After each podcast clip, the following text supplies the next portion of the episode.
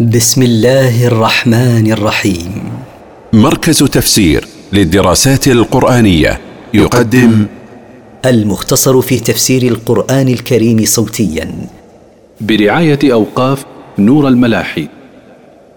سورة الناس. من مقاصد السورة الحث على الاستعاذة بالله من شر الشيطان ووسوسته. التفسير قل أعوذ برب الناس. قل أيها الرسول أعتصم برب الناس وأستجير به. ملك الناس. ملك الناس يتصرف فيهم بما يشاء لا ملك لهم غيره. إله الناس.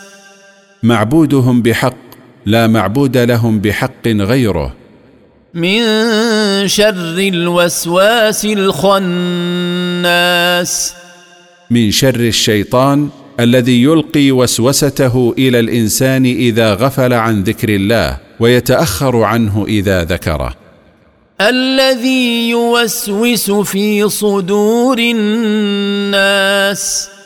يلقي بوسوسته إلى قلوب الناس. من الجنة والناس.